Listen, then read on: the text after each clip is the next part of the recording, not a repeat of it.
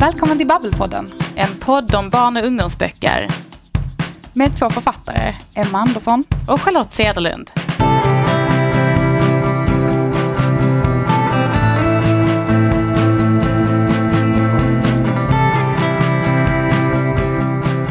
Charlotte, har du någon gång gjort författarbesök på anpassad grundskola? Nej, det har jag faktiskt inte. Jag har fått en förfrågan en gång som aldrig blev någonting. Men så jag har inte gjort det än. Men skulle du, tror du att dina böcker skulle funka för den målgruppen? Jag är lite osäker faktiskt, för det är en grupp som jag känner att jag har väldigt dålig koll på. Jag har ju skrivit en lättläst serie eh, om bråfall. Men det är ganska mycket text i dem. Det är, eller, det är dels är det ganska mycket text, så man måste ändå vara hyfsat läsvan. Och sen är det ju fantasy. Så man måste ju ändå liksom ha förmågan att tänka sig in i någonting som faktiskt inte finns på riktigt. Och jag vet inte om det är ett problem. Eller så är det inte alls ett problem. Men jag brukar nog tänka att jag inte riktigt har böcker som är rätt för att få komma till anpassad grundskola och göra besök. Jag känner personligen att det här är någonting jag, jag men, vet och kan väldigt lite mm. om. Alltså, att, att just det här är en målgrupp som jag själv inte har liksom mött om man säger i, i professionella författarsammanhang. Alltså jag har heller aldrig varit ute på, på något författarbesök. Och ja, jag skulle ju också säga, jag tyckte ju redan när vi pratade om lättläst att jag tycker att det, det är svårt för mig redan där att liksom, jag är inte säker på om jag hade varit bra på att skriva det. Eh, och det här känns också som en, en, en målgrupp som jag tror hade varit väldigt utmanande för mig och att jobba med om jag skulle försöka skriva för det. Eh, men det kan ju också vara, alltså jag tycker det är så svårt, för det kan också vara att man kanske inbillar sig att det är svårare än vad det är och sådär. Det är ju alltid, eh, ja, det är alltid svårt att veta tycker jag. Jag tänker att det nog är så. Och jag tänker att min insikt om lättläst är väl egentligen mest att det finns väldigt många olika sorters. Alltså, när jag började skriva lättläst så trodde jag att lättläst, alltså en lättläst bok var för alla. Eh, och nu börjar jag väl ändå få en känsla av att det finns olika sorters lättlästa böcker beroende på vad det är för problematik man har. Är man läsovillig eller har man lässvårigheter eller, eller vad är det egentligen som man behöver stöd med, med eller uppmuntran med i sin läsning? Jag är övertygad om att du hade löst det. Men jag tänker att man hade fått inhämta en hel del information först så att man landar rätt med sina böcker. Jo men verkligen, det, jag tänker att det är lite som, det har vi ju många författarkollegor som gör, att när man ska ge sig på en ny genre eller en ny eh, ålderskategori, att man går till bibblan och lånar allt man hittar eh, för att liksom eh, läsa på och se till att man landar rätt helt enkelt. Precis. Men om man inte ska gå till biblioteket och låna böcker så är ju en annan ganska smart grej, det är ju att prata med dem som faktiskt har koll. Precis, eh, och eh, har man inte möjlighet till det så kan man alltid lyssna på den här podden för då pratar vi med de människorna åt folk. Eh, som idag till exempel. Vem ska vi prata med idag? Idag ska vi prata med författaren Ann-Charlotte Ekensten som skriver just för den här målgruppen framför allt. Som har jobbat väldigt mycket med läsning för just särskilda behov. Mm. Och utöver det så tänkte vi sen också prata med Nina Palm och Eva Odraska som är ungdomsbibliotekarier på Kungsbacka bibliotek. Och de har liksom dragit igång ganska många satsningar just på liksom, eh, för att nå den här målgruppen eh, specifikt. Och det ska ju bli jättespännande att höra mer om tycker jag. Verkligen. Jag tycker att vi, vi kör igång. Det gör vi.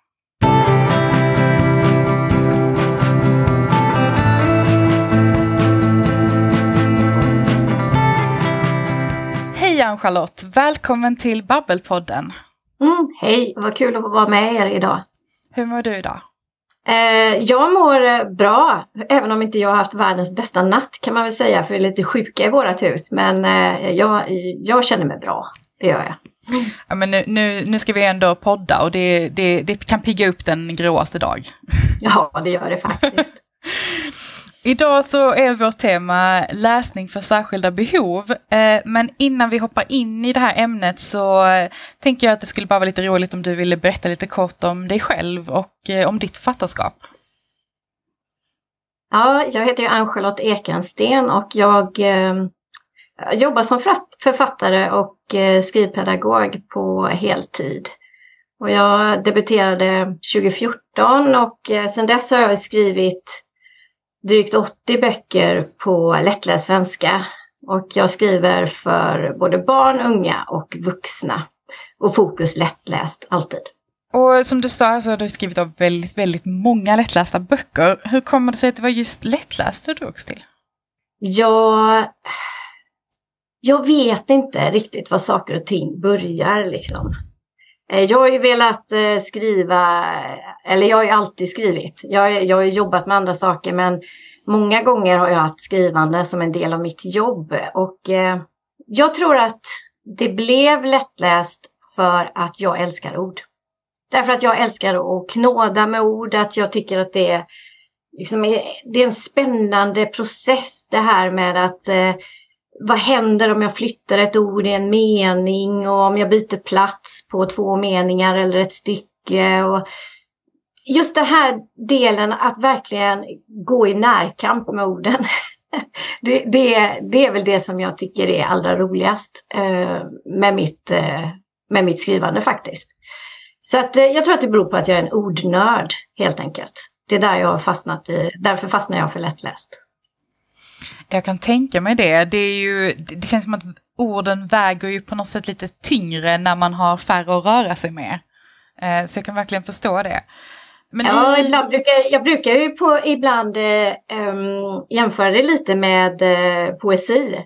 Uh, när det gäller att hitta de allra mest betydelsebärande orden. Liksom att skala och skala och skala och så verkligen får man fram en uh, kärna. så ja, så det, det gäller att hitta rätt ord, ja. Verkligen.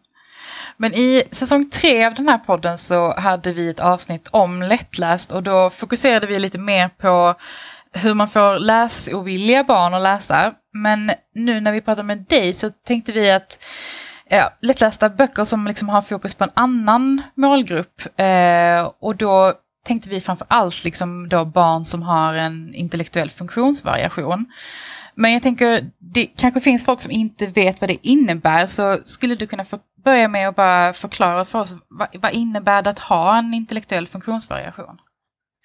Jag brukar tänka, eller jag brukar förklara intellektuell funktionsnedsättning med att, att man har eh, helt enkelt svårare att lära sig vissa saker. Och eh, det är lite olika beroende på person, från person till person. Att en del kan ha, ha svårare med språket, andra kan ha svårare med abstrakta begrepp eller tidsuppfattning och någon tredje kanske har svårare med matematiska begrepp och en del har liksom svårigheter med allting. Men om man eh, tänker just kring läsning så är det ofta så att man har någon form av språkutmaning som ligger med den intellektuella funktionsnedsättningen. Och då, då har man liksom per default lite svårare, kanske både att lära sig att tala och sen att lära sig att läsa. Um, ja, och sen så finns det ju så himla många olika delar i det här med en intellektuell funktionsnedsättning. Man brukar prata om att man kan ha en lindrig, man kan ha en måttlig och man kan ha en svår. Och, och ja, så att det, det kan vara lite olika saker egentligen. Men en vanlig diagnos är ju Downs syndrom och där har man ofta också en intellektuell funktionsnedsättning. Men inte alltid. Eh, men det är många som tänker på Downs syndrom i första hand. Men det finns ju väldigt många olika diagnoser. Ja, det är alltså väldigt bra att få koll på, för jag tänker att det kan ju vara, det kan vara svårt för en utomstående att förstå, eh, och framför allt när det är ett så eh, men, brett begrepp eh, så, som innefattar så mycket. Men jag tycker du beskriver ju väldigt många olika utmaningar då, liksom som en läsare med, med den här liksom, eh, ja, men, eh, intellektuella funktionsvariationen kan ha. Eh, är, är de lättlästa böckerna olika beroende på liksom vilka utmaningar läsaren har? De kan vara det, men de behöver inte vara det. Kan man väl säga. Alltså för att den intellektuella funktionsnedsättningen är ju bara en del av den personen. Eh, det handlar ju om, så mycket om intresse och vad man längtar efter, vad man vill läsa om och, och vad man vill veta mer om. Så att det, man kan kanske inte, man kan inte direkt hårdra det att eh, ja, här har vi en person med en intellektuell funktionsnedsättning, då tycker hen om att läsa det här och det här. För den här gruppen av läsare är egentligen lika varierad som alla andra barn och unga. Eh, så att eh, det är svårt att, säga att ja, nu skriver jag så här och då kommer det att passa. Men tänker du, när, du har ju skrivit så himla många böcker och om alla möjliga sorters ämnen och det är fakta och det är fiktion. Men, men tänker du då att du har, att du kan skriva om precis vad som helst? Även när du liksom riktar dig till läsare som har kanske ganska stora utmaningar med läsningen? Nej, jag skriver inte om vad som helst då. Det gör jag faktiskt inte. Utan eh, om, jag, om man tänker, alltså mina böcker, jag har ju, som, som du sa, jag har flera olika, eh, olika serier och så här. Och vissa böcker som vänder sig till ungdomar, de, de har tolv uppslag med tre meningar på varje. Det är ju, det är ju för en läsare och några andra eh, böcker som jag har, de är ju lite mer av de vanliga lättlästa böckerna, alltså kanske en berättelse som går upp mot eh, 40-50 sidor och bara har text. Men de har också sin läsare i den här gruppen. Eh, så att eh, dels så, så rör jag ju mig med väldigt mycket olika massa. Eller jag skriver riktigt korta berättelser och jag skriver lite längre berättelser.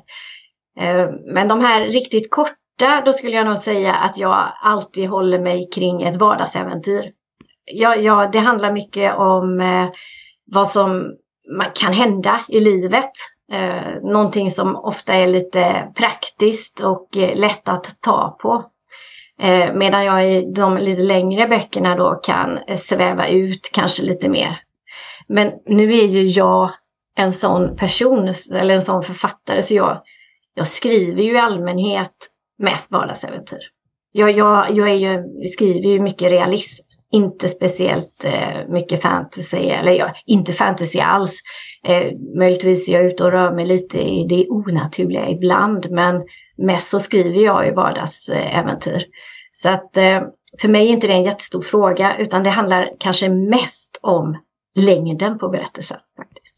Så det är egentligen inga, inga teman som, som, man, som man rent så som det är smartare att undvika eller vad man ska säga, eller så som, inte, som du inte tror skulle gå hem liksom, eller, eller det, det handlar egentligen mest om hur man, hur man paketerar det. Ja, jag skulle nog säga det. Men jag ska hårdra, egentligen det är, så, det är så jobbigt för det handlar ju om fördomar och, och, lägger, och dra alla över en kam och sådär. Men alltså jag träff, har ju liksom, ändå träffat väldigt många unga, eh, barn och unga med olika funktionsnedsättningar. Och om jag bara då ska stå med fingret i luften i, i alla dessa klassrum så, så gillar man mer vardagsäventyr än vad man gillar fantasy och skräck. Men med det sagt så är ju inte det alla, men det drar åt det hållet om man säger så. Ja, jag förstår. Ja, men det, det är bra att ta upp det, för jag tänker eh, det är också en spännande grej det här med, med fördomar just, och, och vi kanske redan har varit inne på det genom, om inte annat, okunskap. Eh, men vad skulle du säga är den vanligaste fördomen om läsning för just den här målgruppen, för, och, och även kring liksom, intellektuell funktionsvariation? Eh, det är att eh, de här barnen och ungdomarna inte kommer att lära sig att läsa. Det är väl egentligen den, den största fördomen. Att en person som har eh, en intellektuell funktionsnedsättning aldrig kommer bli en läsare. Det, det är ju en fördom som finns. Och den finns inte i skolan, det ska jag inte säga att bland lärare eller så, utan det är inte det jag pratar om. Men om man tittar på det stora hela i samhället då, då tänker många att en person med intellektuell funktionsnedsättning läser inte. Punkt. Så det är väl den grövsta fördomen i så fall. Eh, och sen eh, nummer två kring fördomar, det är ju det som jag försökte parera här, det är ju att alla är lika och, och så är det ju verkligen inte. Utan alla är precis lika olika som vi eh, är gentemot varandra och en klass med årskurs tre är, mot, gentemot varandra. Så att eh, det är väl kanske de största eh, fördomarna. Och så en till också, och det är också att man och där kan det ibland man fastnar lite i skolan faktiskt. Det är att om man inte har lärt sig att läsa ordentligt under de första, under grundskolan eller anpassad grundskola som det heter eh, om man är inskriven, eh, om man har IF, så då är det liksom för sent. Alltså då är det slut. Eh, då, då jobbar man inte lika intensivt med lästräning till exempel på gymnasiet eller på vuxenutbildning som kommer efteråt då. Eh, och det är ju också en fördom att man inte, att det liksom skulle ta stopp någonstans. För att precis eh, som alla andra så har man utvecklingsmöjligheter även när man är ung vuxen och vuxen. Så att det gäller att inte sluta att läsa. Du är ju ute mycket i skolor och gör just mycket författarbesök och, och kanske framförallt då i anpassad grundskola. Vad, vad brukar du göra under ett författarbesök? Egentligen så, så gör inte jag eh, så mycket annorlunda när jag är ute på mina författarbesök i, i anpassad grundskola om man jämför när jag träffar eh, för övrigt så träffar jag ju mest eh, lågstadiet eller upp till fyran, årskurs fyra i grundskolan. Det är det vanligaste. Och sen anpassad grundskola, det, det är ju 1 till 9 och sen anpassat gymnasium. Det är fyra år på gymnasiet sen. Eh, det, är ju de som jag träffar mest när jag är ute. Och, och jag ska inte säga att jag pratar om så mycket annorlunda saker på de här författarbesöken. Men kanske är det så att jag eh, jag skalar ner lite när jag ska träffa en klass i anpassad eh, grundskola. Ehm, att jag verkligen fokuserar på, på det vi läraren vill. gör ju ändå. Men, men, men på några få saker. Att jag, att jag inte försöker få med så mycket som jag kanske försöker i en annan, i en annan eh, klass. Men eh, det jag också gör det är att jag kanske förbereder eh, läraren på ett annat sätt. Att jag eh, till exempel har skickat bildstöd i förväg så att de kan förbereda sin klass. För det blir alltid lite annorlunda när man kommer till anpassad skola. Det måste inte bli det, men det kan bli det. Det kan vara elever som tycker att det är jättejobbigt att det kommer in en främmande person i klassrummet. Och då, och då är det bra om lärarna har kunnat jobba kring förberedelser innan jag kommer dit. Det är det ju i andra klasser också. Men, eh, men kanske är det lite extra viktigt när jag jobbar i anpassad skola. Då. Eh, så det gör jag väl. Ja, nu har jag svamlat mycket men jag tänker jag, jag skalar ner, fokuserar på det viktigaste. Sen använder jag ju tecken när jag talar. Och det är ju eh, det kan ju vara en fördel för det är ju ofta många elever eh, i anpassad skola som eh, har kanske tecknat själva till talet eller har liksom levt med tecken hela tiden och, och tecken förtydligar ju talet. Eh, så det tänker jag också på. Men sen också förberedelse tillsammans med eh, läraren då, att jag skickar ett, eh, kanske skickar ett bildstöd om de vill ha det eller mer i detalj går igenom vad vi ska prata om. Och såklart skickar en bild på mig. Alltså de, så att eleverna kan se vad det är för en människa som ska komma. Mm. Så det inte blir en total chock när du dyker upp? Mm, så det inte blir en total ja. chock. vad, vad brukar barnen tycka är roligast när du kommer på, besök? Det är lite olika för att eh, Alltså för många, och det är det ju när man eh, är i eh, och gör författarbesök i en annan klass också, men för många är det ju det här att se, det finns en människa bakom boken. Alltså att det här, det är verkligen någon som har det som arbete att ta fram de här böckerna. Eh, det är ju alltså det mest spännande skulle jag säga överlag.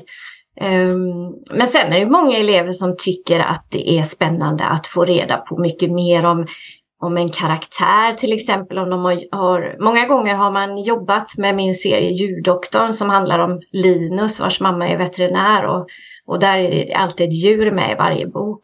Och eh, ofta så tycker många att det är spännande att prata om eh, varför jag valde det djuret och kan jag veta eller kan jag någonting om det här djuret eller eh, hur har jag fått reda på det i så fall och att, liksom, att komma bakom. Men eh, eftersom ni själva också är ute på fattarbesök så tror jag ju att ni känner igen det här. Men eh Ehm, så att jag skulle inte säga att det är superstor skillnad på vad eleverna uppskattar och eh, i jämförelse med ett annat författarbesök. Nej, jag, jag kan tänka mig det eh, och vad roligt, eh, vad roligt att höra.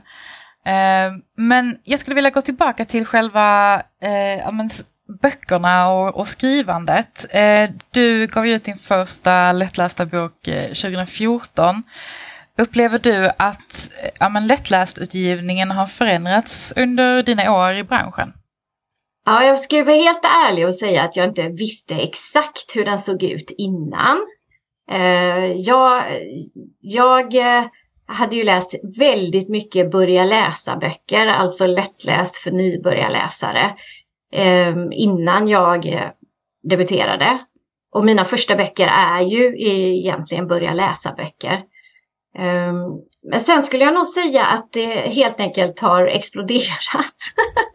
att, eh, att eh, utgivningen är ju väldigt stor. Utgivningen av lättläst är ju väldigt stor nu och det har jag ju förstått har, har att jag bidragit till. Nej, inte bara jag då. Men eh, alltså att det är många förlag som har satsat mer på lättläst under de senaste tio åren. Och det förlaget där de flesta av mina böcker är utgivna har ju vuxit, eller liksom har nästan skapats och vuxit under de tio åren som jag har varit verksam.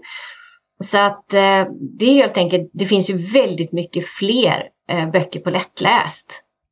Men jag ska säga också det att det finns väldigt mycket böcker som inte är så lättlästa heller. I, men ändå liksom jackar in i, i just den genren. I alla fall inte lättlästa för den målgruppen som vi pratar om idag. Alltså personer med intellektuell funktionsnedsättning. Nej, det är ganska mycket som är svårläst faktiskt. Precis, Nej, men det fick vi nog nästan en insikt om när vi pratade om lättläst eh, för någon säsong sedan. Eh, då jag insåg att de böckerna jag skriver som är lättlästa är ju egentligen ganska långa och egentligen ganska svåra att förstå eftersom det är fantasy och övernaturligheter och till och med tillbakablickar, vilket ju egentligen är no-no i lättläst böcker. Eh, så att eh, jag insåg väl att mina böcker riktar sig nog ganska mycket till de svårflörtade läsarna, de som inte tycker det är så roligt och som behöver böcker att läsa som är spännande och där man får bläddra framåt liksom med lite större tempo. Men att de är kanske lite för svåra för många andra. Jo, men det stämmer och, och, jag brukar ju prata om eh, tre målgrupper i lättläst och det, och det är ju personer med intellektuell funktionsnedsättning, det är personer som har ett annat modersmål än svenska och sen så är det läsovilliga personer. De som liksom eh, tycker att läsning suger. ja. Men hur skulle och, det, och vissa böcker skulle jag säga funkar ju för hela, alla de här. Eh, vissa böcker kan ju funka. Men eh, som sagt, det är eh, många av böckerna som man kanske då mer vill sätta handen på, på någon som räknas in i den läsovilliga gruppen, de är ju då för svåra för läsarna som har eh, någonting extra med sig. Ja, men jag tänkte på det också, eh, liksom hur, hur, ser bredden ut? För jag tänker eh, om, med de här tre grupperingarna då, liksom, är, är liksom huvudsakliga utgivningen riktad till någon specifik grupp av de här eller, eller liksom det, det ser det olika ut eller hur, eh, hur, liksom, vad skulle du säga liksom, med utgivningen? Jag skulle säga att eh, utgivningen främst vänder sig till läsovilliga, faktiskt. Um, därför att det är ju, en breda, det är ju den bredaste gruppen. Uh, så det handlar ju om pengar. Eh, alla förlag eh, behöver ju tjäna pengar. Och eh, då behöver man ju sälja böckerna. Och då, då är det ju mest säkert att, skriva, att ge ut böcker för en bredare målgrupp. Så att de riktigt lättlästa böckerna som vänder sig direkt till målgruppen som vi pratar om idag, de ges ju oftast ut av specialförlag, alltså ännu mer nischade förlag än, än eh, som Nypon och, och Vilja, utan, eh, eller Hegas.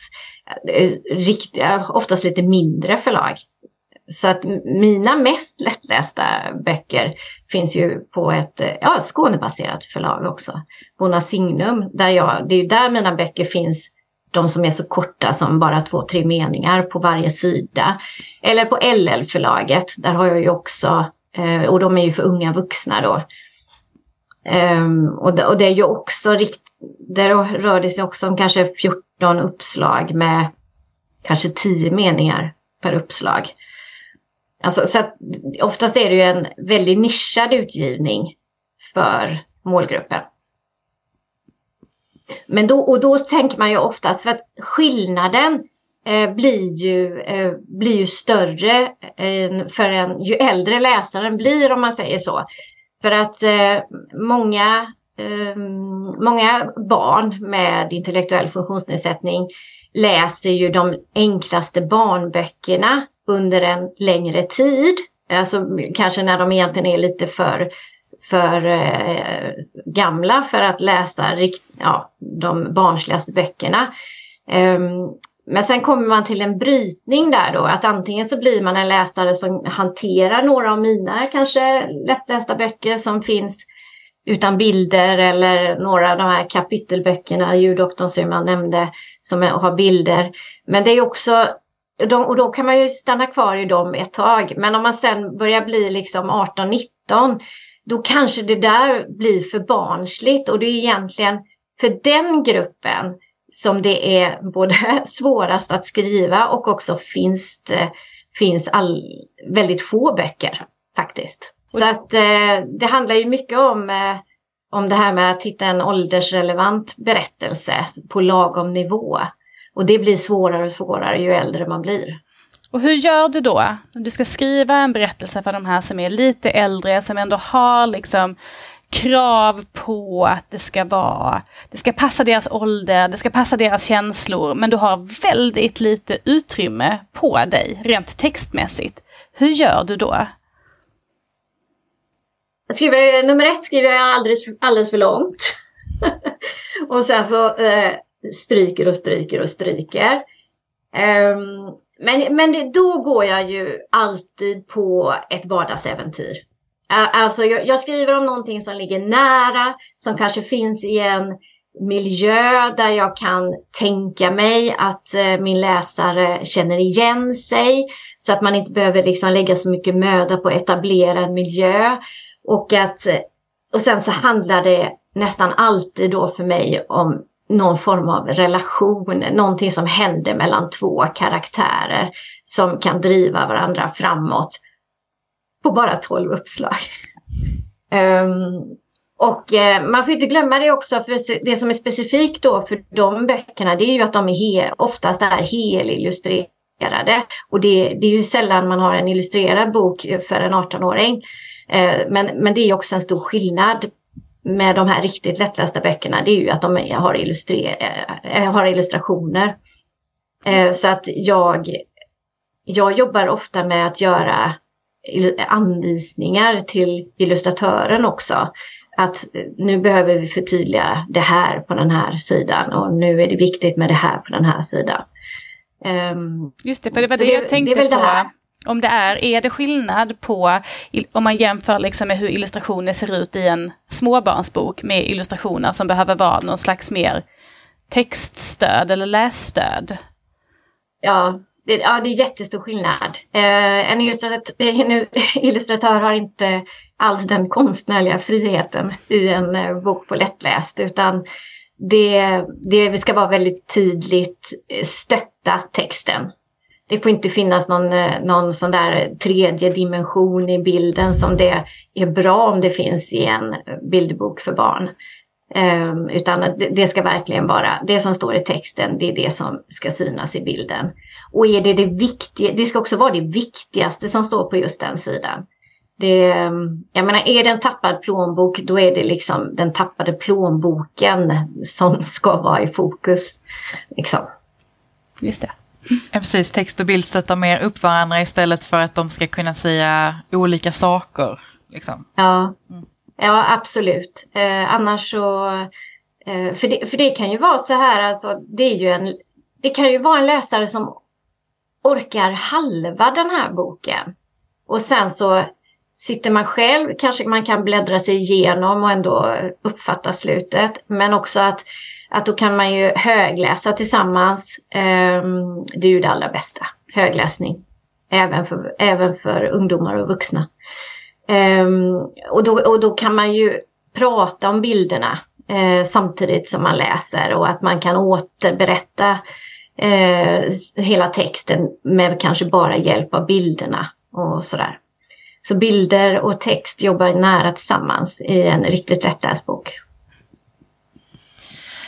Jag tänker, du har kanske varit inne på det redan, men eh, vad skulle du säga är det svåraste eller mest utmanande med att skriva, eh, ja, men, ja, men generellt för dig när du skriver, när du skriver liksom just det här med, när det är så, man måste väga varje ord på guldvåg, eh, det får inte vara för många meningar på en sida. Vad är det mest utmanande? Jag tänker det, här, det är kanske inte är utmanande för dig, du är kanske van nu efter alla dessa böcker du har skrivit. Jo, men för mig är det, det är alltid utmanande för mig att få, att få till knorren. Jag menar, det är ingen skillnad. Alltså, man jobbar ju med början, mitten, slut. Det är den vanliga dramaturgiska kurvan som även gäller liksom för en roman eh, med ett anslag och, och trappa upp och en explosion och sen en nedtoning. Alltså allt det där ska ju få plats på en, på en väldigt kort sträcka. Eh, och det, det som är mest utmanande det är ju för mig att få den här riktiga knorren. Att det ska bli spännande eh, att läsa färdigt. Eh, alltså, när jag, om man pratar lättläst generellt så handlar det ju väldigt ofta om att man slipar trösklarna för att komma in i boken. Att man liksom snabbt etablerar historien och, och att man liksom får ett driv framåt. Och, och det kan jag tycka är ganska enkelt. Men att knyta ihop det eh, på slutet och liksom verkligen känna att ah, det var värt min läsning. Det blev liksom en kul upplevelse. Det blev liksom något spännande. Det blev någon drama. Alltså det, oj oj oj vad jag jobbar mycket med det. Det tycker jag är jättesvårt. Det språkliga däremot tycker jag är ganska enkelt. Ja men eh, slutligen Ann-Charlotte, hur ser framtiden ut för dig? Vad har du på gång här framöver? Ja, jag har ju jättemycket på gång. Eh, jag... Eh, det har vi inte pratat om så mycket egentligen, men jag skriver ju väldigt mycket faktaböcker också. Inte bara skönlitteratur. Och, eh, och, det, och det är lite specifikt just för denna målgruppen faktiskt. För att om, om, om jag ändå sätter upp fingret sådär i klassrummet som jag gjorde förut och ska leta upp fördomar så är det så att många av läsarna med eh, IF föredrar faktiskt faktaböcker. Och, eh, och det beror mycket på att man kan fångas av ett specifikt intresse som man är jättenyfiken på eller kan mycket om redan från början och har en förförståelse för.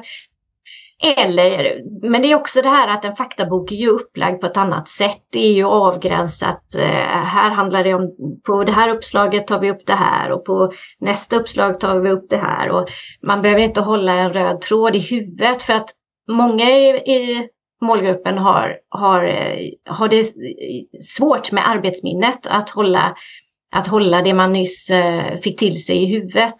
Det är liksom en vanlig, en vanlig sak som tillhör en intellektuell funktionsnedsättning. Eh, så att därför är det många som faktiskt föredrar faktaböcker.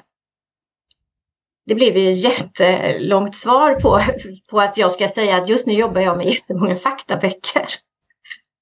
Och, det var väl eh, jättebra att du fick in det tycker jag. Det, ja. det behövde vi höra. ja. Nej, men så att, eh, ja, nästa år så kommer det att komma faktaböcker, eller redan i januari kommer det att komma faktaböcker eh, från mig. Och nu har jag skrivit om grodor och nu har jag skrivit om djurungar i havet och sen så jobbar jag ju också lite med mytiska väsen fast ur den faktaingången. Så nu kommer en bok om älvor till i januari. Det också. gillar ju vi. Ja, vi är ju lite fantasynördar så det, det ser vi verkligen ja. fram emot. Men jag tycker jättemycket om det också fast jag har valt ett annat, annat spår när det gäller mitt skrivande och, eh, och väsen. Eh, men sen också en av, det kommer en bok i min, jag har ju skrivit om ett gäng ungar, ungar, ungdomar som kör A-traktorer. Och eh, de böckerna, de går verkligen hem på, när jag är på anpassat gymnasium. Väldigt många av killarna jag möter där har läst de böckerna och, eh, och frågar om karaktärerna. Och det är inte så mycket bara motorgrejen utan de frågar mycket om var, vad som händer mellan, det är ofta en tjej och en kille i de här böckerna, vad som händer mellan dem och i relationer och sådär. Eh, och eh, jag har nog mest, fått flest frågor kring just de böckerna när jag är ute. Och det är så roligt. Och det kommer nämligen en ny sån. som heter, den kommer heta EPA-träffen. Och vad heter serien? Ja, eh, serien, den har egentligen inget namn för det var inte meningen att det skulle bli en serie från början. Men så har de blivit så väl mottagna så att eh, den heter inget. Det är serien om Anton i så fall. Ja, men det här låter jättespännande Ann-Charlotte och mm. tack så hemskt mycket för att vi fick prata med dig om det här väldigt viktiga ämnet. Tack själva. Jag tycker ju att det är så roligt och så bra att ni tar upp det här ämnet eftersom det är ju en smal läsargrupp. Men det är också en jätteviktig läsargrupp där väldigt många älskar böcker. Kanske inte alltid att läsa själv, men att läsa högläsning är ju jättestort. Och för vissa så är det ju det här att man också kan komma vidare i sitt språk. Som jag brukar säga, man är faktiskt aldrig helt ensam om man har en bok med sig. Helt sant. Det låter som fantastiska slutord. Tack så jättemycket Ann-Charlotte. Tack så mycket.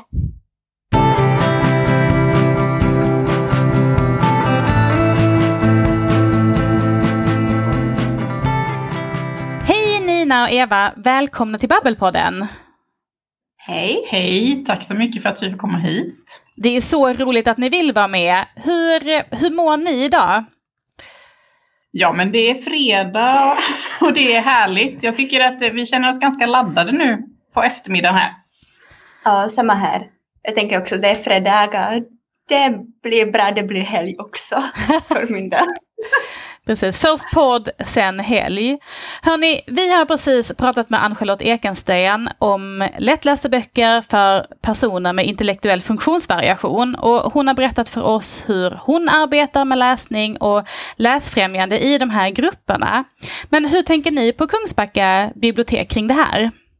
Du vet, vi hos oss alltså, vi lyfter fram uh, läsning för barn och unga med funktionsnedsättningar Bibliotekslagen fastställer att biblioteksverksamhet ska finnas tillgänglig för alla invånare, invånare och eh, att vi ska vara anpassade enligt eh, användarnas behov helt enkelt. Så det gäller alla som kommer till oss, men vi har också så kallade prioriterade grupper och barn och unga och människor med funktionsnedsättningar tillhör till dessa prioriterade grupper. Så äntligen barn och unga med funktionsnedsättningar är dubbelprioriterad grupp hos oss på folkbiblioteken just nu. Uh, då att vi helt enkelt försöker att utforma tillgänglighet uh, som gäller uh, både den fysiska miljön och uh, självklart den ingång till, eller tillgång till information till våra produkter och tjänster. Så vi har sådana, om vi kan prata, så vi har väldigt många långsiktiga projekt så till exempel vi har sagostunden med TAG, vi har digital, adaptiv digital skapande där vi skapar berättelser med hjälp av digitala verktyg. Vi har eh, aktiviteter som till exempel författarbesök.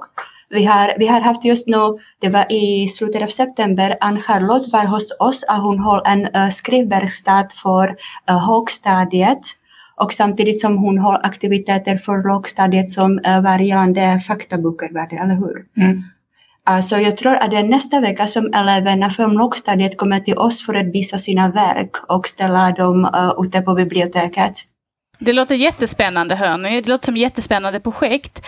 De här projekten ja. ni har, är det liksom ett, ett samarbete då som ni har med den anpassade grundskolan? Ja, alltså vi har träffat, eh, vi började egentligen för eh, något år sedan eller ett och ett halvt och jobba lite mer, mer mot den här målgruppen. Vi lyfte upp den och, och tänkte att vi måste börja med den här gruppen först innan vi gör allt det där som vi redan kan. Så började vi jobba lite mer mot denna målgrupp. Bland annat hade vi samtal med Ann-Charlotte Ekensten eh, och bollade med henne om vad vi skulle kunna tänkas göra. Ehm, så, men då har vi också varit eh, och träffat eh, dem på anpassad grundskola i högstadiet. För vi är ju ungdomsbibliotekarier, mm. jag och Eva. Mm.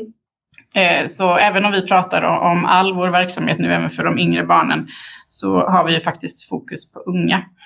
Så vi har varit där och träffat ungdomarna och personalen och så även personalen på deras fritidstid. Så vår tanke är egentligen att vi vill träffa dem på deras fritidstid. Men vi lär oss ju jättemycket av personalen och får jättemycket stöd av dem både från skolan och från, från eh, fritidstiden. Då. Eh, så vi, vi skissade lite på ett koncept som vi kallar bokhyllehäng. Det finns det på andra bibliotek också, men vi tänkte vi bjuder in just den här målgruppen. Mm. Och det, det var väldigt roligt. Det var en start. Och Eva hon gjorde ju jättefina bokmärken. Precis. Vi sa att vi vill att de ska ha någonting att hålla i handen så det känns tryggt när de kommer. Så då delade vi ut de här taktila bokmärkena som var lite mjuka att hålla i och det var lite olika ord på dem. Sånt. Mm. Ja, precis. Det var ord på... Eh, ja, de var jättefina i alla fall. Precis. Alltså det var ganska, det var väldigt bra aktivitet eftersom vi, var, eh, vi alltid är inblandade flera från vår eh, grupp. Okay? Så, så det är två, två, tre personer som väljer några böcker, som presenterar böcker eh, och läser högt. Alltså pratar med eh, barn och unga om eh, själva upplevelsen. Så det blev väldigt, väldigt uppskattat. Och då hade, eftersom vi riktade oss mot ungdomarna här då så hade vi ju tänkt tema kärlek och mm. vänskap, så det hade vi då. Och då, detta är ju i februari i år som vi bjuder in eh, Ann Gomér faktiskt, som också skriver mycket lättläst. Så det blev ett mm. jättebra författarbesök tillsammans med de här ungdomarna. Ja på det temat. Precis. Jag tror att vi har haft en bokhylla Hangberg först och uh, där vi presenterade uh, Ann Gommer och efter gjorde vi hennes författarbesök, eller hur? Så var det. Precis, som alltså, en röd tråd i det hela. Precis. Alltså då vi också delade hennes böcker, så det var väldigt, uh, väldigt uppskattat koncept. Just det. Ja, precis. Vi delade ut Älskar, älskar inte, som är för lite äldre målgrupp av Ann Gomér. Mm. Eh, så det fick de också en bok. Ja. ja. Så vi till exempel åker med uh, bokbussen eller vi har så kallat uh, bok på recept. Vi har tecknar med barn och unga digitalt och tecknar på papper och penna. Så vi gör väldigt, väldigt många saker. Just det. Ni sa ju att, eh, ni, eh, att det kändes viktigt att titta på den här gruppen innan ni liksom började arbeta med andra grupper som ni kanske hade större erfarenhet av. Varför, är, mm. varför kändes den här gruppen så, så viktig att lägga fokus på? Ja, men dels för att den ju är, kan man säga, dubbelprioriterad. Mm. Att det både är barn och ungdomar och sen eh, barn med funktionshinder. Eh, och att det kanske är lite svårare att nå eftersom de kanske ofta behöver ha ledsagare eller personal mm. med sig. Det behövs logistik, eh, logistik behöver underlättas eh, på något sätt. Det kan vara ett hinder i sig så att vi behöver jobba med hindren eh, istället för att låta dem göra det så att säga. Och det är vi inte så vana vid kanske. Ja. Men vi fick ändå det var väldigt eh, bra uh, samarbete med deras fritidspedagoger och det verkligen var, hur många gånger har de varit hos oss? Det var flera gånger just nu, så de verkligen tog sig den tiden och kom med alla barn till oss. Så ja, så det fungerar vi brukar ha förfrågor uh, eh, från dem om vi kan komma till dem eller om de kan komma till oss. Vi vet att barnen, eleverna gillar väldigt mycket att vara hos oss. Vi försöker vet, att skapa upplevelser, skapa äventyr, prata om böcker, göra det väldigt mysigt. Så vi har ett speciellt rum så de kan du vet, sitta och lyssna på oss uh, med fiskar. Mm. Eller hur? Så, så det finns, vi för, försöker att, att de får väldigt mycket av det. Så vi, vi, vi gillar den här gruppen, ja.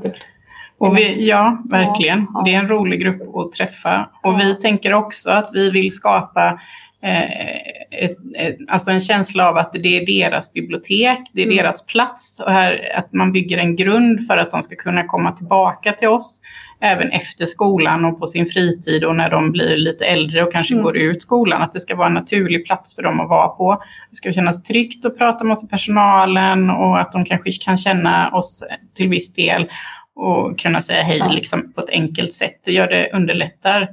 Eh, och det i sig tänker jag är läsfrämjande, att de vågar komma till oss mm. liksom, själva. Just det. Kan ja, ni... det är väldigt viktigt. Är väldigt viktigt att de träffar uh, samma, nästan typ samma personer, åtminstone en per, eller två personer är samma hela tiden förstår du, så de inte känner sig att det finns nya personer hela tiden. Så det är verkligen, vi jobbar också väldigt mycket med att Just det. Men kan ni se, nu har ni ju hållit på ett tag i alla fall, även om det kanske inte är, mm. är liksom, eh, jätte, jättelänge, men kan ni se att eleverna har fått ett ökat intresse för böcker och ett ökat intresse för kanske biblioteket sen ni drog igång? Definitivt. Alltså jag vet ja. ju inte hur det ser ut i skolan och hur det ja. var innan. Jag tänker att det får man kanske fråga lärarna, men ja. vi upplever att de är jätteintresserade. De tycker det är roligt när vi högläser och de är intresserade av ämnena. De ja. kommer med egna idéer. Den skrivverkstaden, det var jätteroligt. De skapade så många roliga karaktärer. Det var fascinerande. Så jag var så uh, överväldigad av det. Um, så jag tycker att de verkligen, de, på något sätt, jag känner att några av verkligen känner mig också. De vet vem jag är. Så ja, så de är alltid väldigt glada och vi jobbar ju med litteratur mm. och visar vilka böcker som finns, kanske inom vissa olika teman eh, och berättar om det. Men vi, vi använder ju också digital teknik ja. till att kanske eh, skapa berättelser. Precis. Det gör, jag. Ja. det gör jag väldigt mycket. Jag jobbar med uh, adaptiv digitalt skapande.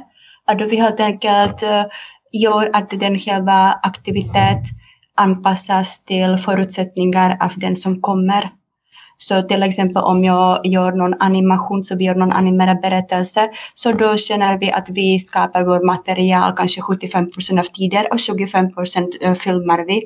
Då har vi gjort många olika sådana roliga projekt med eh, barn och unga. Mm. Så det vi försöker att alltid eh, titta på den som kommer till oss och verkligen jobba med deras förutsättningar, att få dem känner att det blev bra, så det finns ingen ångest helt enkelt.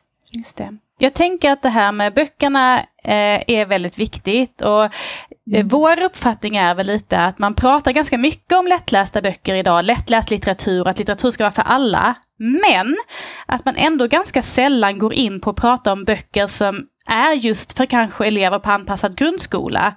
Vad tycker ni, finns det tillräckligt mycket böcker för den här uh, gruppen? Du, du vet, vi har väldigt många uh, böcker som kan användas på lågstadiet.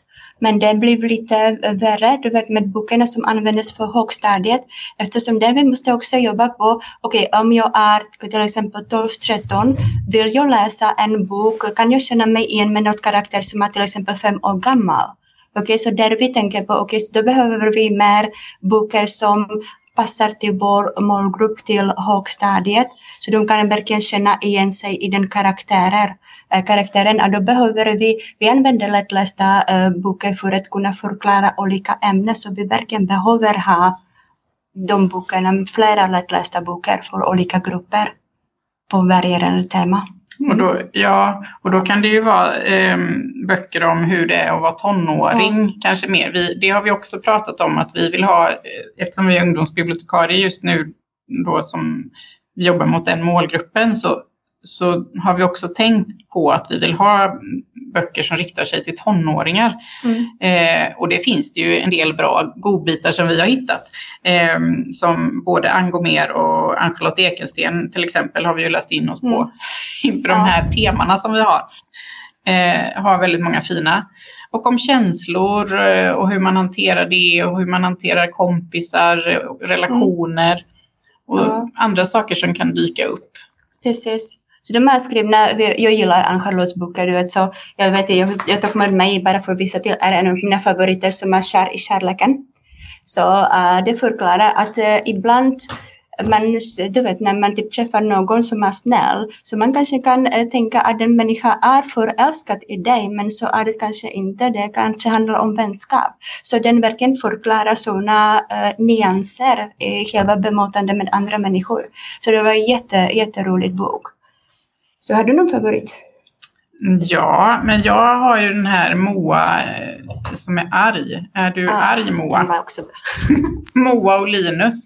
Och där tänker jag också att eh, det är viktigt med igenkänning, att man kan känna igen sig själv både i bilderna och eh, i texten. Eh, så mm, det försöker vi också titta på så att eh, det finns många olika sorters personer i böckerna. Mm. Precis. Eh, Jag tror också att det är viktigt att man får läsa eh, böcker där man känner igen sig som, alltså där man är i livet just nu. Mm. Men lika viktigt kanske det är att man får skriva sin egen berättelse, som vi var inne lite på innan. Att man, man behöver få berätta, jag tycker det känns som att man behöver få berätta sin berättelse om sig själv. Eh, för att liksom få mer förståelse för sig själv också. Eh, samtidigt som man vill skapa en fantasiberättelse kanske. Så att det, Mm. fi- det, det finns ett Det- väldigt behov och sug och vilja eh, från de här barnen att få berätta olika berättelser. Ja, det blir alltid, ja. Mm. Mm. Just det. Men känslan är kanske ändå att det hade inte varit fel om det kom fler böcker, så att ni hade en större bredd. Vi är bibliotekarier, det är alltid, alltid fler, fler, fler. Okej? Nej, inte mindre hos oss. Nej, Nej. vad säger du? Nej, men eh, jag tycker det har kommit många bra böcker de, sen, de senaste åren, eh, senaste tiden, men det behövs ju fler och fler ämnen. Och vi Mm. får ju också uppslag på, på olika ämnen när vi träffar de här barnen. Eh, något som saknades, eh, tyckte, jag vet inte, det kan hända att det finns böcker om det också, men teknik och hur man konstruerar saker och Mm. arkitektur och liksom, ja, det var ett sånt ämne som Mm. var väldigt intressant. Precis. Vi försöker verkligen leta efter sådana böcker, men de, inte, de finns inte helt enkelt. Jag pratar med mina kollegor i Unshop och frå- frågar hela tiden, men det finns ingenting. Ja. Så vi, det som finns, vi plockar hit helt enkelt. Så, det gör vi. Just det. Så vi hoppas på mer böcker. Ja. Ja, precis, ja, men vi håller med, det gör vi också alltid. Absolut. Men hur, vad har ni för planer framåt då? Har ni liksom, vet ni vad- hur ni ska fortsätta jobba eh, i framtiden? Eh, du vet, vi ska fortsätta att arbeta med själva eh, tillgänglighet och inkluderande i alla våra aktiviteter som vi gör. Eh, så vi vill gärna också eh, fördjupa våra långsiktiga och kortsiktiga eh, program som vi redan gör, eller hur? Så för att få det så mycket brett som möjligt för målgruppen. Vi vill gärna bjuda in barn, vi vill gärna bjuda deras föräldrar också för att vi har en samtal, vi vill gärna ha samtal med pedagoger för att kunna helt enkelt organisera flera aktiviteter som är anpassade till målgruppen. Vi vill också ha flera eh, skrivverkstäder eftersom det var jättesuccé med den. Och eh, samtidigt vi tänker på också titta på olika ämnen som till exempel media och informationskunnighet. Eftersom det är också väldigt viktigt att eh, barnen och unga med funktionsnedsättningar får kritiskt tänkande, okay? för att kunna helt enkelt veta eller kunna på något sätt jag vet inte, typ uppfatta det som de läser på ett, på ett rätt sätt.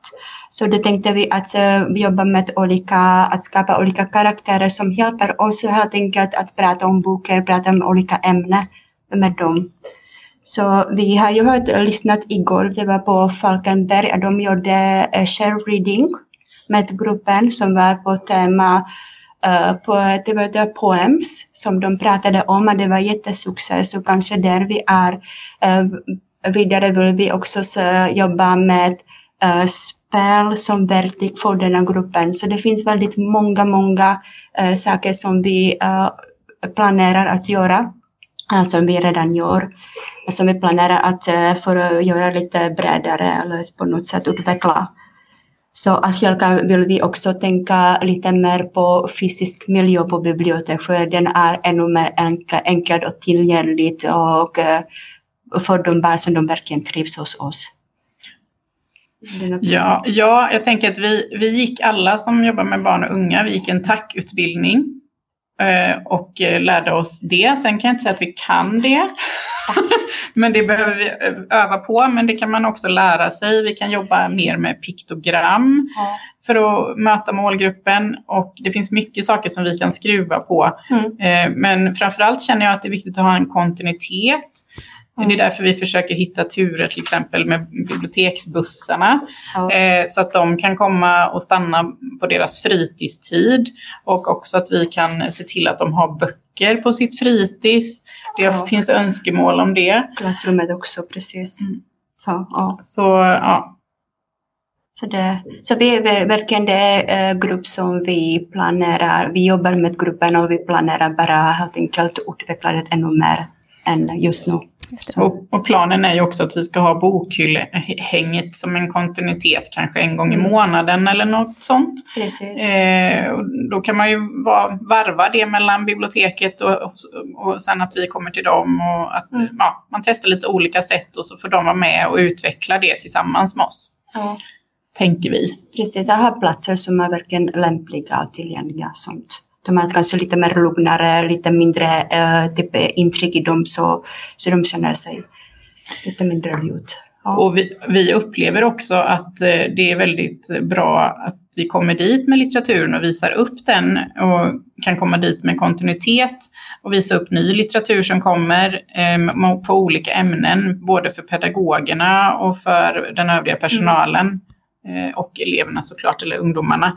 Eh, så kommer de jobba vidare med det sen och läsa om böckerna och ja, de får ju mer kunskap om vad som finns också. Just det. Men det låter ju som att ni har ett väldigt positivt arbetssätt på gång och som att ni har mycket tankar framåt. Vi ser verkligen fram emot att eh, få eh, följa er och se vad som händer i framtiden. Men tack så jättemycket Nina och Eva för att ni ville vara med i podden och berätta om det här idag. Tack så mycket att ni Tack kunde vara mycket. med. Ja, att vi kunde vara med. Mm, perfekt. Tack.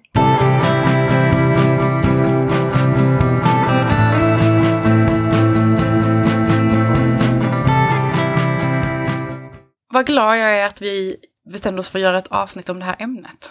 Jag också. Jag känner att jag har lärt mig jätte, jättemycket på de här samtalen. Jo men verkligen. Jag, alltså, som sagt, som vi nämnde innan när vi pratade om det, just att, att det, det är någonting jag vet väldigt lite om. Och det är så lätt att liksom, ja men, att liksom okunskap blir fördomar, blir, alltså, det, det är alltid viktigare och tänka, eller det är så viktigt att ta reda på det man inte vet så mycket om, tänker jag. Precis, och, och ganska ofta kan det ju egentligen kännas som självklarheter när de blir sagda, att, att alla grupper av människor har en precis lika stor bredd som en annan grupp människor. Men det är ju så himla lätt att man snör in sig på att det inte är så det är. Och så begränsar man sig. Precis, man vill, man vill så gärna göra rätt och då blir det på något sätt fel ändå. För mm. att man liksom gör det kanske svårare än vad det är. Precis. Jag är glad att vi har fått både förstå lite hur man jobbar för att skriva böcker för den här läsgruppen. Eh, hur, och hur man kan jobba i skola och på bibliotek.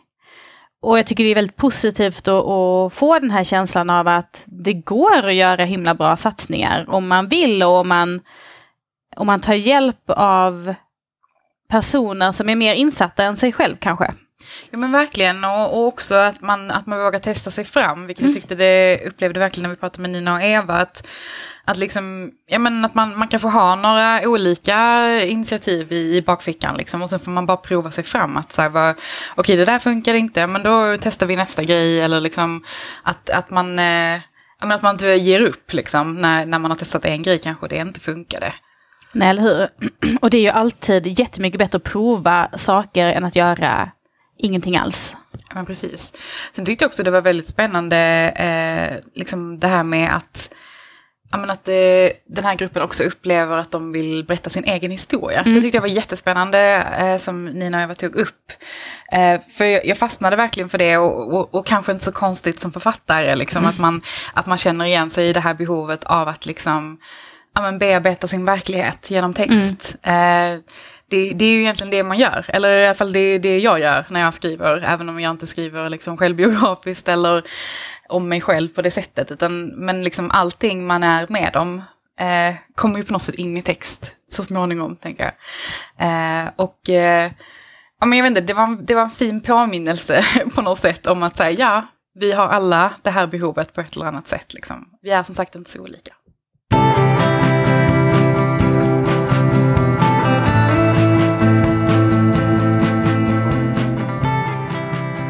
Nu blir det boktips! Emma? Mm? Har du läst något bra på sistone? Ja men det har jag absolut gjort. Jag har faktiskt läst en bok som har, ja men en av de bästa titlar jag har hört på länge i alla fall. Eh, nämligen eh, När regnbågen exploderade och tomten dog. Eh, Visst är det en bra titel? Verkligen. Eh, det är en bok för åldern 9 12 år skriven av debutanten Anneli Adamsdotter. Eh, och den kom ut på bokförlaget Opal i oktober. Och den handlar om Magnolia som går i femman. Hon bor tillsammans med sin pappa, storebror Wilhelm och hamstern Sören. Och hennes mamma fick jobb på ambassaden i Washington. Och ja, det var egentligen tänkt så att familjen liksom skulle komma efter och hon skulle bara åka dit och liksom starta upp. Men så hann hon eh, träffa en ny man. Och eh, ja, så nu bor hon i USA och eh, Magnolia och resten av familjen bor kvar hemma i Sverige. Och för att muntra upp Magnolia så har, eh, har mamman skickat en eh, så kallad julpeppbok till Magnolia. Eh, och det är en sån här liksom, bok som räknar ner dagarna till eh, julafton. Eh, från liksom första december till 25 december då, för amerikanerna är konstiga och firar en dag efter oss. Eh, och den ska liksom då, det är en slags dagbok som ska komma med uppmuntrande tillrop varje dag som man då kan skriva i för att liksom peppa inför julen. Eh, och ja, men denna tar Magnolia ändå till sig för att hon, inte för att hon behöver julpepp direkt, men hon behöver någon att anförtro sig till kan man säga. Eh, för det är nämligen så att Magnolia har blivit kär för första gången. Och eh, hon har också blivit kär i klasskamraten Astrid. Och jag tänkte inte säga mycket mer, men jag tyckte väldigt mycket om den här boken för den kändes, eh, den kändes väldigt fin och liksom sann på något sätt mot liksom, eh, jag, jag känner igen mycket av mig själv när jag var i den åldern. Magnolia är, eh, går i femman. Eh, och jag tycker den, den bjuder in oss på ett väldigt fint sätt i liksom vardagen med allt vad det innebär av så här, träslöjdslektioner, det är Lucia-träning, Ikea-besök. Eh, och också att den då beskriver den här första kärleken på ett sätt som får det att kännas både liksom pirrigt och jätteläskigt. För det är ju faktiskt också väldigt läskigt att vara kär. För tänk om allting går fel och tänk om en stora kärlek bara tycker att man är helt knäpp eller ja, men, äcklig eller konstig. Eh, det är ju det värsta som skulle kunna hända en. Liksom. Eh, och jag är också svag för berättelser liksom, där så här, barn ska hitta sig själva och våga vara sig själva. Eh, och sen också då möts av lite mer förståelse än vad de kanske väntade sig. Så det gör ju alltid mig varm i hjärtat. Så att kanske att det till och med kommer en liten tår på slutet kanske. Eh, men allt som allt en, en bok jag verkligen rekommenderar. Den låter jättefin och jag håller med, titeln är helt fantastisk. Ja men det kan typ inte bli fel. Har du läst något spännande Charlotte? Ja, men det har jag eh, faktiskt. Jag har läst en bilderbok som heter Fågel, fisk eller mittemellan. Som är skriven av eh, Emily Salomonsson och som också har kommit ut på bokförlaget Opal. Och den här boken handlar om Mumlan som börjar på en helt ny skola. Och hon vill egentligen inte det här, hon vill mycket hellre vara hemma. Men hon har lovat att hon ska försöka och att hon framförallt ska försöka vara modig. Och det är ju alldeles för oss på rasten förstås. Eh, på den första rasten så får Mumlan vara med en av lärarna. Men på den andra rasten så är det ett jätteviktigt möte i lärarrummet och ingen lärare har tid för Mumlan. Så Mumlan driver omkring lite på skolgården, vet inte riktigt vad hon ska göra och sen ser hon några barn som leker i klätterställningen och då bestämmer hon sig för att okej, okay, det är nu jag ska prova att vara modig. Så hon frågar om hon får vara med och barnen säger ja. Men de ser väldigt luriga ut när de gör det. Och de bestämmer att de ska leka fågel, fisk eller mittemellan. Och eh, en förutsättning är att Mumlan eh, är den som måste börja leta. Barnen gömmer sig och Mumlan letar och letar och letar. Och barnen säger att det är fågel och då letar hon bland träden och sen så säger de att det är fisk och då letar hon på marken under buskarna. Men hon hittar liksom inte barnen någonstans och hon börjar känna sig mer och mer ensam och hon börjar tycka att den här leken är otroligt tråkig. Hon vill faktiskt inte vara med längre. Och allting börjar bli ganska deppigt. Men då helt plötsligt är det någon annan som ropar. Fågel! Och Mumlan börjar leta efter någon annan som faktiskt är lite roligare att leta efter. Eh, och jag tycker att det här är en jättefin bok. Jag tror att det här är Emelies debut som både författare och illustratör. Eh, hon har gjort båda delar i den här boken.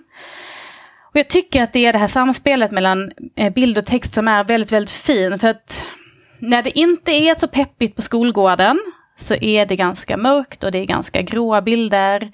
Och sen när det här barnet räcker ut sin hand och liksom visar att du kanske kan vara med mig, då börjar vi få varmare färger. Eh, och jag gillar verkligen, det här är ju verkligen ett barnperspektiv i den här boken, hur det kan kännas när man börjar på ett nytt ställe och hur otroligt ensam och utsatt man kan känna sig. Och jag tror att jättemånga barn eh, kan känna igen sig i den här berättelsen. Alltså nästan alla barn i princip faktiskt. Så att jag tänker att det är en toppenbok att läsa tillsammans.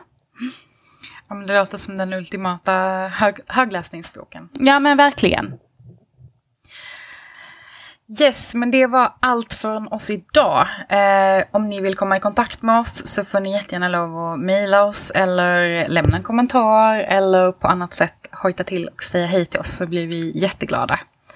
Men ni får ha det så bra. Hej hej!